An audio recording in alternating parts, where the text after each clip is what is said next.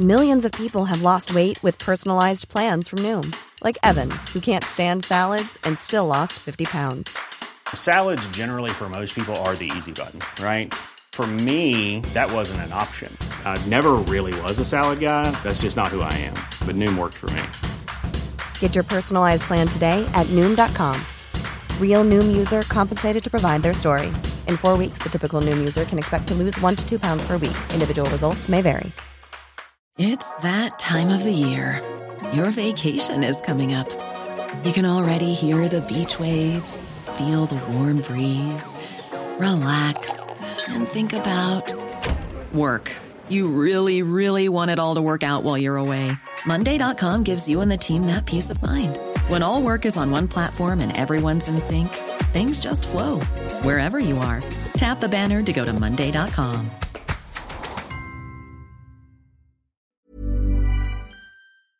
Hei, mitt navn er Marius Lorentzen, og velkommen til denne helgeepisoden av Økonominyhetene, der vi presenterer et utvalgt intervju fra uken som har gått. Hverdagene kan jo være hektiske, og det er ikke lett å få med seg alt som skjer. Derfor finner vi frem klipp som vi mener kan være interessant å høre, enten fordi de har lært oss noe, er underholdende eller fikk frem en nyhet. Og med det så setter vi i gang, vær så god.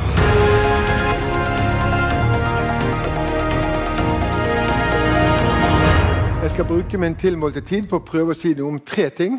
så da får jeg ikke mye på vest. Det var, Er det vits å eie aksjer nå? Altså, Hva tenker jeg markedet? Noe, noe om hva, med, hva tenker min markedsstrategi? Noen råd om hva man kan tenke rundt strategi for å slå markedet. Og så har jeg tenkt å vise noen tre aksjer som jeg tror er lurt å kjøpe, som jeg regner med skal gi god avkastning. Rett på sak. Bør det være fullinvestert? Jeg er nesten fullinvestert. Jeg har en del cash nå, opp fra null ned til 15 noe sånt. Men det er klart at jeg er liksom på kanten av å sikre meg. Jeg har vurdert det flere ganger. Tanken er bare at egentlig syns jeg at økonomiske utsiktene ikke er gode. Aksjene er ganske dyre, og inntjeningsutsiktene er ganske dårlige. Og så Ingen av de tre tingene er tikker noe særlig for meg at jeg synes det ser veldig bra ut. Men det er heller ingenting som er ille nok til at jeg har bestemt meg for å virkelig ta konsekvensen av det. Altså Når det gjelder økonomiske utsikter, så er det bare sånn. altså Rentene kommer til å øke helt til det biter. Eh, så vi kommer ikke til å gi seg før arbeidsledigheten øker. Det syns jeg er en gitt her, egentlig. Så det kommer til å bli dårlige tider. Ikke, det er ikke noe vits å juble over gode tall fra Mako, for da betyr det bare at da kommer vi til å øke renten videre til de biter. Akkurat nå tror de at de er i ferd med å gi seg på økerentene, for de tror det er gjort nok til at det blir dårlige nok tider. Hvis ikke det biter nok, så kommer de til å gå på den igjen. Eh, optimismen blir borte. Nedturen vil akselerere sannsynligvis. Og så kommer selvfølgelig rentene ned på motsatt side når det begynner å bli dårlige tider. Men jeg tror ikke det blir så mye. Sannsynligvis blir det ganske lite. Og, og først når det allerede er klart at økonomien er svak. Nummer to. Jeg syns det er ganske dyrt. Eh, man kunne kanskje tidligere rettferdiggjøre prisingen og høye P-er og skiller-P og alt dette med, med, med, lave renter, men det kan du ikke lenger, så da er det veldig vanskelig å finne noen gode argumenter for at dette er veldig billig. Det eneste du har, er for at norske aksjer ser på sånn top down-nivå ser norske aksjer mye billigere ut enn resten. av en eller annen grunn. Eh, så jeg holder meg mye der. Så jeg tror at Inntjeningen i selskapene kommer under press. Den er veldig høy i utgangspunktet. Husk det. Enormt høy lønnsomhet i bedriftene. Eh, økonomien blir svakere. Lønnsveksten kommer opp, som er kostnadene til bedriftene. Eh, prisveksten kommer ned. Det er inntektene til bedriftene. Så du får en skvis på marginer, tror jeg. Jeg tror det blir også Investeringene kommer ned. Bedriftene vil oppleve at uh, har mer ledig kapasitet, lavere etterspørsel og, og høyere renter. Jeg tror at konsum bunner, det er det første som begynner å begynner å bli bedre igjen. Altså Konsumentene har hatt det tøft lenge. De får det enda tøffere. Men jeg tror bunnen er omtrent i første halvår. Etter det så går vi inn i en periode med reallønnsvekst og litt fallende renter. Så jeg satser litt mer på det. Spørsmål nummer to strategi. Eh, jeg var her for to år siden. Da hadde jeg nettopp begynt som privatinvestor. Brukt mye tid på å tenke gjennom hvordan skulle det være mulig for meg å slå markedet. Mitt svar var som de sier i headingen her, at ja, da må jeg være verdensmester på mine aksjer. Det er ikke noe annet. Jeg må bli best i verden på noen få aksjer. Og skal jeg bli best i verden, Jeg tror ikke du slår markedet hvis det er ni andre som kan det bedre enn deg. og forstår det bedre enn deg. Eh, skal du være best i verden på det, så er det best å gå inn i noe som er utrolig smalt. Så er det små aksjer. Illikvid, ganske illikvide aksjer. Eh, helst ikke analysedekning, eller veldig lite. Kanskje noe som jeg kan mye om fra før, så jeg er nærmere å komme opp til pallen liksom, innenpå en sak action. Og så selvfølgelig, de jeg jobber sammen med, Hvis de er eksperter på noe, så er vi allerede mye nærmere for at jeg også er ekspert på det. Sant? At vi samarbeider om ting. Eh, det har vist seg hittil å fungere bra. Det er altfor tidlig å si om det er flaks eller om det er eh, eh, dyktighet. Jeg har sett nok av de som tror at de er flinke, og som bare har flaks. Eh, det er de fleste av de som gjør, gjør det bra. Eh, samtidig så fortsetter han jo, altså Så lenge det funker, så fortsetter jeg med samme strategi. selvfølgelig. Eh, det vil si om strategi da, at ja, Du kan utforme en strategi før du begynner, men du må jo revidere underveis. Du må tenke gjennom det underveis. Og, og Det jeg skal si nå, er mer ikke fordi det er allmenngyldig, det jeg sier, men det er bare for å si hvordan kan man tenke rundt sin egen strategi. Jeg har tenkt på et par ting. Jeg har tenkt på norske mot nordiske aksjer. Og jeg har tenkt på long, long mot short-posisjoner. Det er to steder hvor jeg er inne og vurderer om jeg skal endre strategi. Og så er det i hvert fall instruktivt. Hva gjør jeg da for å vurdere det? Jeg bare ser at jeg gjør det mye bedre på norske hittil enn på, på svenske aksjer.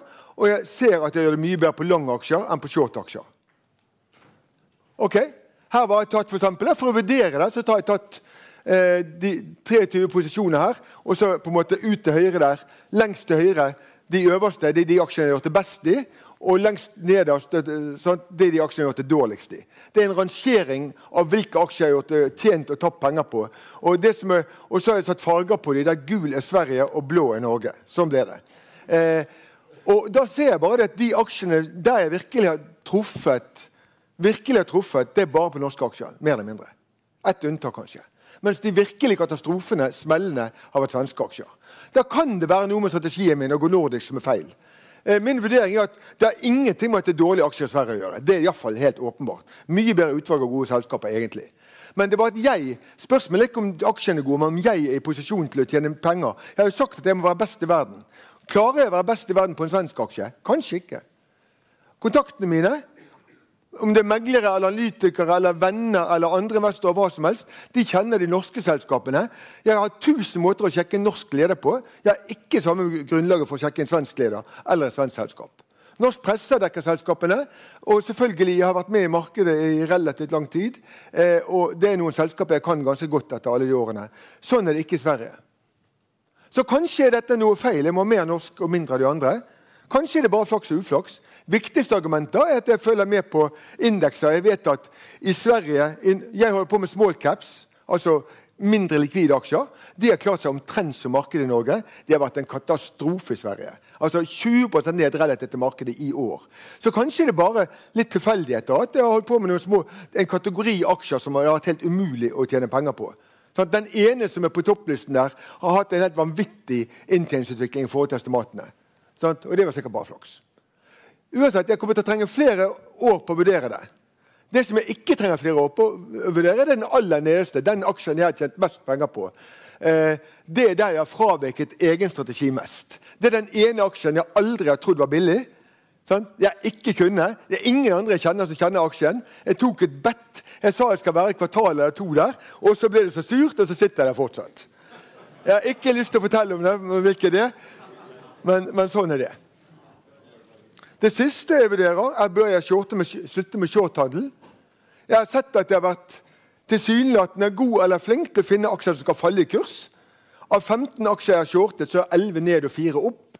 Eh, av de 11 som er ned, så er over halvparten ned mer enn 50% Jeg har funnet masse aksjer som har kollapset, altså seks stykker som er helt kollapset. Eh, ingen aksjer som har shortet hittil, som har gått rett opp. Det er jo marerittet for en shorthandel. Altså Hvis du shorter noe, og så bare går det, går det, går det, så blir det bare en større og større posisjon. Hittil har styrt klar av de. Allikevel har jeg ikke tjent penger på shorthandel. Og det er ganske vanvittig. Sånn? Det er noe med handelsstrategi underveis her som har vært feil. Men så sier jeg det svaret sto der egentlig for en stund siden. og så er Det det var de første ett og et halvt årene. Endelig nå har det gått bra. For nå har det jo vært kollaps i en god del av tingene jeg har shortet, som har vært helt forferdelig. Så nå endelig er det blitt penger av det. Til og med nå så ble SAS helt konk. Så det kostet jo nesten 100% i år i renter å sitte short i de greiene. Men det ble penger av det, faktisk. Så jeg har jo sett litt på strategi der også. Det, det var mer sånn, altså det er morsomme anekdoter, men alle må tenke selv. Men det er lurt å vurdere hva du gjør, hvorfor du gjør det, hva som funker. Og så alltid være åpen for selvfølgelig, at veldig mye av det du observerer, er flaks. Og du må, du må ha ganske mye data før du, før du, skal være litt trygg på at det er noe annet enn flaks. Både flaks og uflaks. Så til cases. Jeg har snakket tidligere her om, om på en måte hva slags aksjer jeg liker. Kid er bare sånn helt klassisk. Akkurat den type aksjer jeg elsker. Sånn? Kid er et helt fantastisk bra selskap. Ekstrem, eksepsjonell lønnsomhet. Ta markedsandeler jevnt og trutt. Beste marginer i norsk retail i, i ti års sammenhengende. Eh, og så allikevel og til og med de gjort et oppkjøp i Sverige, så klarte de jaggu å få til det også. Det er ikke så mange i retail som klarer det. Eh, Allikevel har ikke, Det har alltid vært en grunn til at jeg ikke har den akkurat nå. Siden jeg begynte, Først var det det vi kaller post-covid. hvor jeg, altså, jeg fikk en fantastisk boost når alle skulle pusse opp hjemmet sitt under covid. Og så var det markedet priset inn at det skulle vare. Det trodde ikke jeg, så jeg kunne ikke eie det. Sånn? Så, så, for, så, ble det dårlige tider og strømkrise og priskrise og alt dette andre. Og så ble jeg nervøs for at nå, nå blir det så surt her at de virkelig, nå, nå må vi vente til krisen, alle ser krisen før jeg kjøper. Men i dag er jeg kommet der at nå tror jeg nedsiden snart er borte. Nå har vi vært gjennom to år med strømkrise, stigende renter, redusert kjøpekraft for konsumentene. Vi har vært gjennom av alle ting en, en prisingstabbe der de faktisk bommet på beregningene sine. Så de satte altfor lave priser. og Nå har de måttet øke prisene. Plutselig så ble det ingen marginer igjen. Så har de økt prisen igjen og tenkte at da kollapser kanskje salget. Vel, det har ikke skjedd. Faktisk, rett etter at de hadde økt prisene igjen, så har de nå i tredje kvartal 13 13 like for likevekst i det klimaet vi har nå. La altså Den samme butikken selger 13 mer enn i fjor. Det er ganske fenomenalt i det klimaet vi har nå. Ok, ting blir verre. Det blir enda tøffere for konsumentene. Eh, De siste parte renteøkningene har ikke fått effekter nå. Eh, arbeidsledigheten skal begynne. Folk skal bli urolig for jobben sin etter hvert. Mer enn de er nå, iallfall. Eh, men jeg tror ikke det er så veldig lenge igjen allikevel. Og hvis jeg har klart det såpass, så tror jeg at dette står det igjennom. Og så tenker jeg bare OK, når skal du time det? da? Kanskje skal jeg treffe bunnen, men jeg vet ikke når bunnen er. Jeg vet bare at Hvis jeg tenker et år frem nå, så er vi gjennom det verste. Det er jeg ganske overbevist om. Om et år så er lønnsveksten høyere enn prisveksten. helt åpenbart. Der er faktisk det akkurat nå. Sist noen som var første gangen. Sant? Det er høyere lønnsvekst enn prisvekst. Og om et år så er rentene etter alt å dømme på vei nedover igjen. Kanskje litt mer enn det markedet tror. til og med. Så da tror jeg timingen er veldig god. Det er et av børsens beste utbyttecases. Altså 7% direkteavkastning nå. Nå er det dårlige tider, og de tjener mindre enn normalt. Eh, jeg tror det er 10 utbytteavkastning om ikke lenge. Og Derfra burde det kunne vokse ganske mye. det kommer jeg til. Kanskje 10 i året. Og så er prisingen allikevel billigere enn snittet. 13 PE på bunnåret 2023 med prisingstabbe inni det. Kanskje ni ganger PE på et middels, et normalår. Eh, og så tror jeg at det kommer opp igjen til en 11 kroner inntjening per aksje i 2025. Og du skal ikke gange det med veldig mye før det kommer til 130-135 kroner. Og da har du 50% avkastning. Og da syns jeg det er logisk at du er om et år. Det er godt nok for meg. Eh, og så er Det bare, at det er ikke bare sånn value, billig, bra case, men det er også et vekstcase. Altså, dette er bare for et tenkt regneeksempel hvor vi ser at omsetningen fra 3585 kan gå til det doble med to ting. I Norge så kan ikke de øke antall butikker. Der er det stort sett Alle steder som har plass til en Kid, har en Kid allerede. Men de øker størrelsen på butikkene, så putter de inn noen møbler og noen sånne ting, og det ser ut til å fungere utmerket. Og så får de litt hjelp av inflasjonen, så kan de sikkert øke omsetningen per butikk med 25% I Sverige så har de foreløpig bare strømlinjeformet de butikkene de overtok i Hemtex. Men det er klart at de har fått opp en ganske, ganske bra margin i Sverige. Det er ganske lønnsomt. Eh, de har masse å vokse på. Sverige har plass til mye flere Kid-butikker enn Norge. Nå er det mye færre. Og det er ingen andre som har tatt den kategorien. Hadde det vært en annen som var der, skulle Kid kommet inn og Hemtex var der, så hadde det vært et mareritt. Men det er ganske åpent for dem å vokse. Og jeg venter bare på at de på en måte nå benytter denne nedturen til å få tak i gode lokasjoner for å bygge nye Kid-butikker. Og da kan det bli kjempespennende. Sånn? Litt det samme i Finland vet jeg ikke. Noen så kanskje på Rusta, som gikk hadde første noteringsdag på børsen i dag. Jeg synes at Rusta har en vekststrategi også. Noen ble veldig, syntes det var kjempespennende å betale P15 for veksten til Rusta, for de kan jo øke antall butikker i Norge. Vel, Kid kan øke antall butikker i Sverige. Og Forskjellen er at Rusta er mye mindre lønnsomt. De har enda ikke fått til, det, fått til greit Norge. Dårlig, elendig i Tyskland. Forferdelig. Jeg forstår ikke hva de driver med. Sånn? Kid gjør bare det som er bra, og de har mye bedre grunnlag for, for, å vokse fremover enn det Ruste har, og mye lavere multiple. Og til sist, bare for å vise altså Her har vi inn omsetning. Her ble det litt mange grafer, men det er bare Altså Her er omsetning. Det hakket der er omsetning på kvartal. Det tikker og går en jevn med 7% underliggende vekst. Det ble litt bedre under covid, og så falt det tilbake etter covid. Og så er vi tilbake på linjen der var tredje kvartal. Det var dritbra. Eh, kanskje får de juling litt til. Det har jeg lagt, lagt til grunn at de får juling i noen kvartaler til. Men jeg synes ikke det, hvis det virker veldig aggressivt i det hele tatt. Husk også at prisveksten har kommet opp. Så egentlig, i en mer avansert modell så er den der som går oppover sånn. Trenden går litt oppover der. Og det andre marginen har vært, altså Driftsmarginen i rødt har ligget på en sånn 15% omtrent. Dette er tilbake til 2015, men det samme til 2012. 15% driftsmargin de har vært veldig lavt.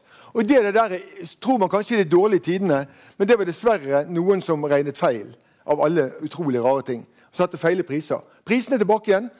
Andre kvartal og tredje kvartal er helt tilbake igjen. Det er bare dette rullerende i fire kvartaler. Det tar litt tid før du ser at marginen er tilbake til akkurat der det kom fra. Det er de to tingene jeg forutsetter. Den marginen og den omsetningen gir 11 kroner. Og jeg kan ikke forstå annet enn at jeg skulle kunne klare 130 kroner i, apps, i, i kurs på det. Imagine the softest sheets you've ever felt. Now imagine them getting even softer over time. That's what you'll feel with Bowl and Branch's organic cotton sheets. In a recent customer survey, 96% replied that Bowl and Branch sheets get softer with every wash. Start getting your best night's sleep in these sheets that get softer and softer for years to come. Try their sheets with a 30-night guarantee. Plus, get 15% off your first order at bowlandbranch.com. Code BUTTERY. Exclusions apply. See site for details. I'll see you in court.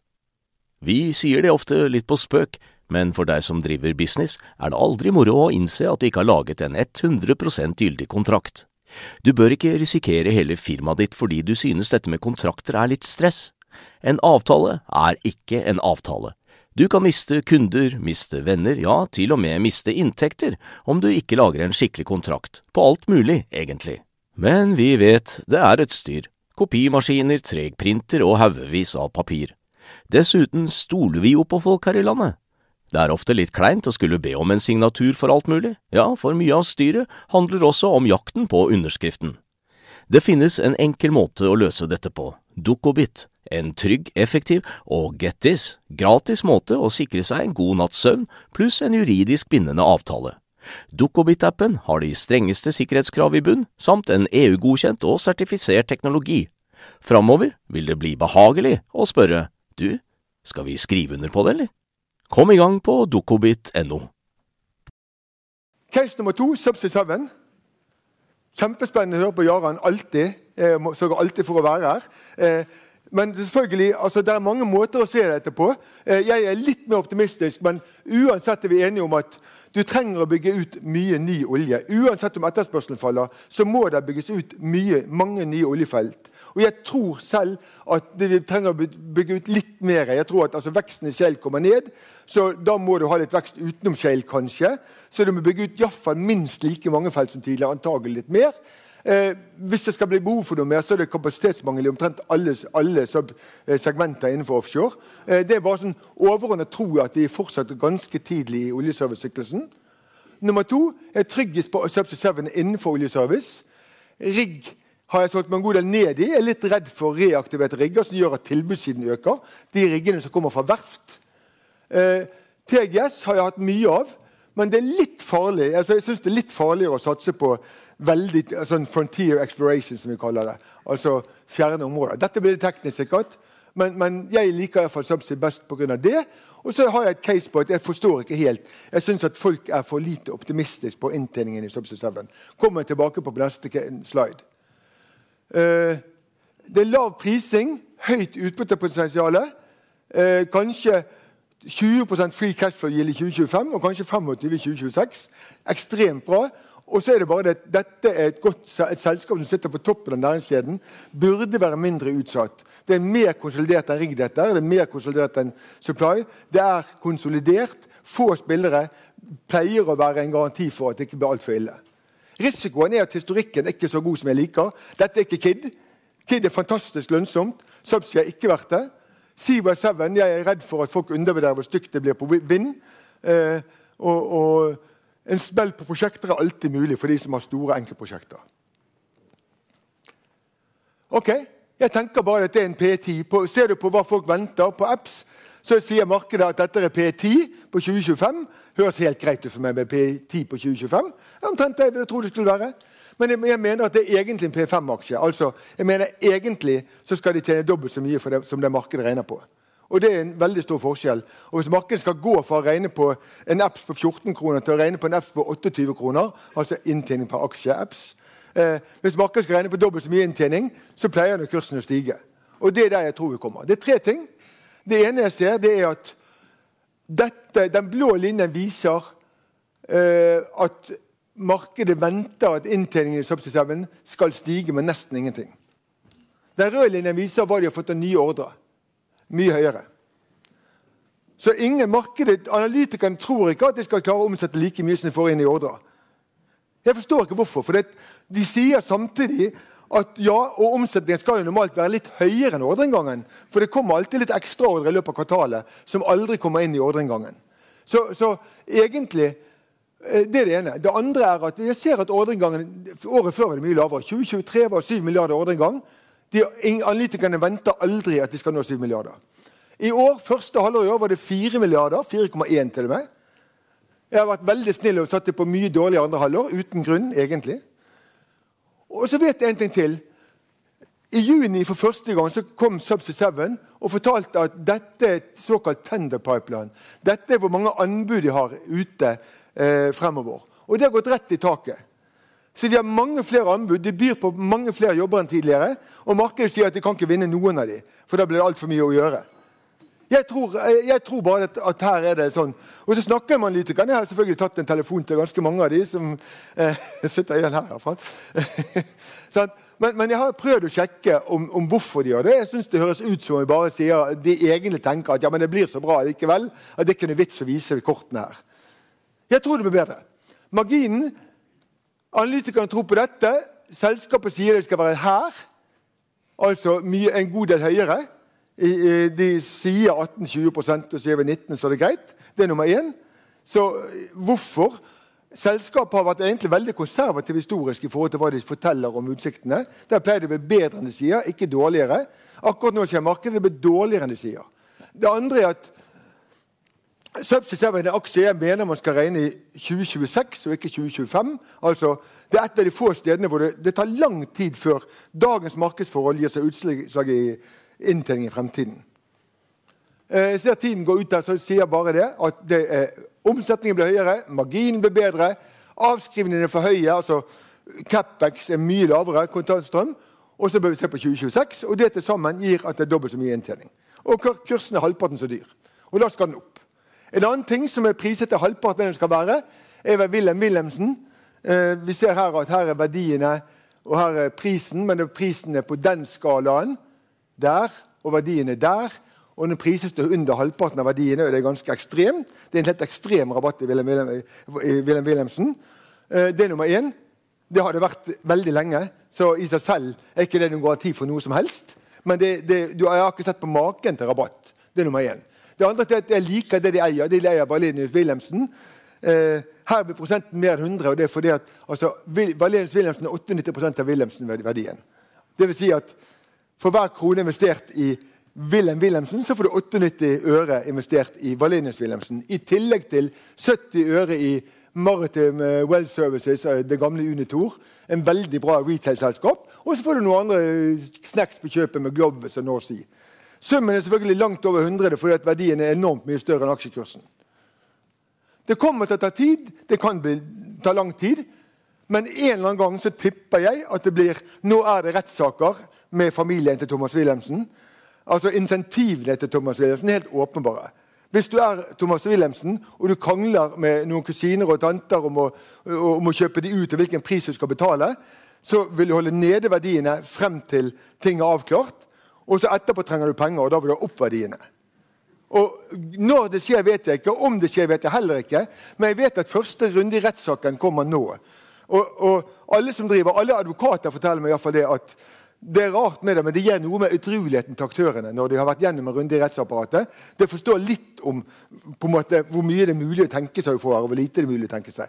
Så utfallsrommet blir snevret inn, og kanskje de hater selvfølgelig å holde på med dette. Så kanskje blir de enige. Jeg tipper de blir enige, og så tipper jeg at kursen går. Og kanskje går kursen mye før, fordi at kontantstrømmen inn i Wilhelmsen har kommet veldig mye opp nå. Altså nå, Wilhelmsen har jo hatt eid mye, men de har ikke hatt kontantstrøm. De har eid Wilhelmsen, Det er ti år siden de betalte utbytte. Sånn, med unntak av ett kvartal. eller sånt. Nå strømmer pengene fra Wilhelmsen. Nå strømmer pengene fra uh, Maritime Well Services. Og da har de iallfall noe å betale med. Og de har vel snakket om at de kanskje skal vurdere utbyttepolitikken når endelig pengene begynner å komme. Derfor liker jeg å sitte med det, og det var nok for meg en del. Takk. Og det var det vi hadde for deg i denne omgang. Du finner flere klipp inne på f1.no-tv, eller ved å søke opp Økonominyhetene hos Apple, Spotify eller der du måtte høre på podkast. Mitt navn er eh, Marius Lorentzen, og vi er tilbake igjen eh, på mandag med Børsmorgen og Økonominyhetene. I mellomtiden så ønsker jeg og alle vi her i Hegna Media deg en riktig god helg. Takk for nå. Imagine the softest sheets you've ever felt. Now imagine them getting even softer over time. That's what you'll feel with Bowl and Branch's organic cotton sheets. In a recent customer survey, 96% replied that Bowl and Branch sheets get softer with every wash. Start getting your best night's sleep in these sheets that get softer and softer for years to come. Try their sheets with a 30-night guarantee. Plus, get 15% off your first order at bowlandbranch.com. Code BUTTERY. Exclusions apply. See site for details. Planning for your next trip? Elevate your travel style with Quince. Quince has all the jet setting essentials you'll want for your next getaway, like European linen, premium luggage options, buttery soft Italian leather bags, and so much more. And is all priced at 50 to 80% less than similar brands. Plus, Quince only works with factories that use safe and ethical manufacturing practices. Pack your bags with high-quality essentials you'll be wearing for vacations to come with Quince. Go to quince.com slash pack for free shipping and 365-day returns. When you make decisions for your company, you look for the no-brainers. If you have a lot of mailing to do, stamps.com is the ultimate no-brainer. Use the stamps.com mobile app to mail everything you need to keep your business running with up to 89% off USPS and UPS. Make the same no-brainer decision as over 1 million other businesses with stamps.com. Use code program for a special offer. That's stamps.com, code program. Økonominyhetene er en podkast fra Finansavisen. Programledere er Marius Lorentzen, Stein Ove Haugen og Benedikte Storm Bamvik. Produsenter er Lars Brenden Skram og Bashar Johar. Og ansvarlig redaktør er Trygve Hegnar.